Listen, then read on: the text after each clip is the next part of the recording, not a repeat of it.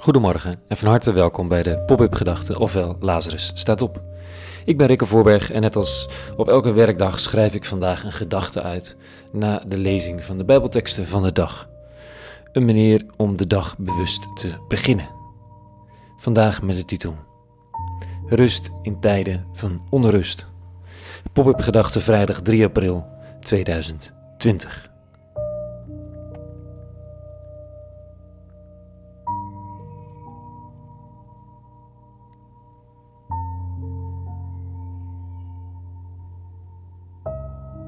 Het neigt naar Pasen. Volgende week is het al zover. Niemand had kunnen vermoeden dat de 40 dagen tijd zo zou verlopen. En dat die 40 dagen tijd zogezegd ook nog wel even gaat duren. We weten niet eens hoe lang.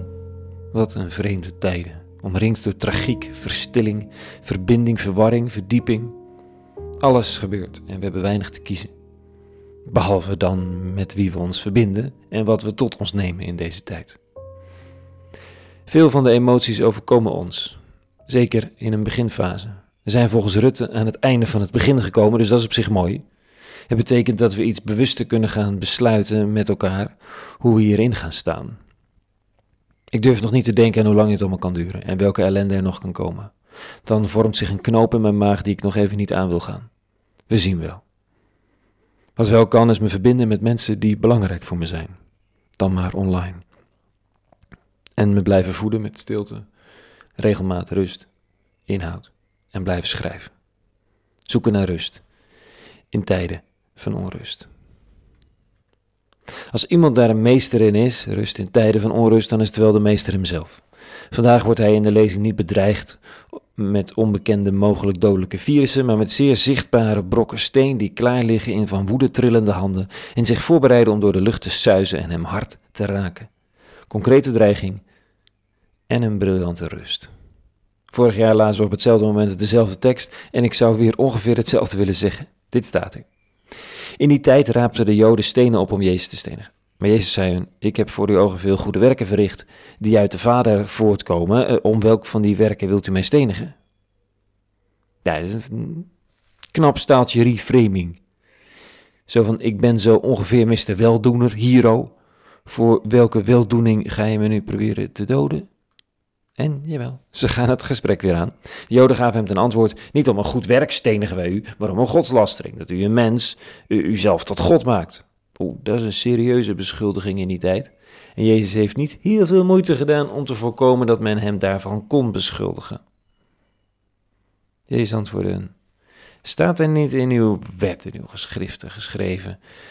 Um, ik heb gezegd: U bent goden. Zij, die, die wet, heeft hen, tot wie het woord godsgericht werd, goden genoemd. En de schrift heeft bindende kracht, toch?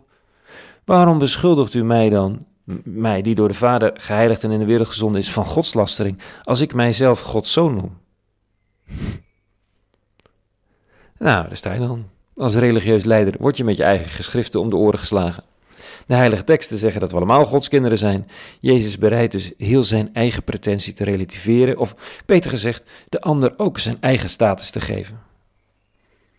En zijn ze dan opeens gelijk, hij en de rest? Nou, op dit moment staat de ene godenzoon met een steen in de hand klaar om een goede vent uit ongemak dood te gooien.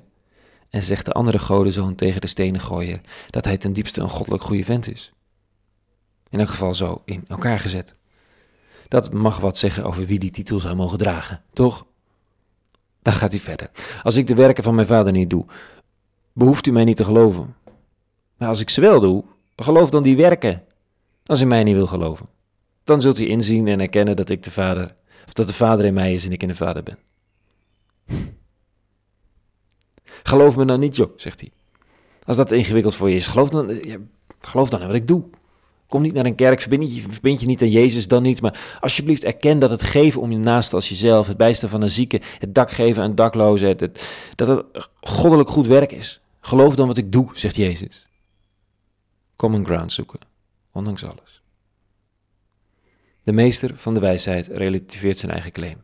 Denk ik dat ik heel wat ben? Ik denk dat jij ook heel wat bent. Je hoeft niet te geloven dat ik geloof. Maar laten we samen geloven dat het goede goed is. Dan komen we wel ergens. Dan vinden mensen van vrede, van goede wil en verlangen elkaar. belangrijke recepten voor rust in tijden van onrust. Geloof in het doen van het goede en dan beseffen dat je met al degenen die het goede zien en erkennen, uiteindelijk uit dezelfde bron leeft. Dat is verbinden op niveau. Tot zover vanochtend. Een hele goede vrijdag gewenst. Een weekend van rust ook in tijden van grote onrust en vrede en alle goeds. En tot maandag.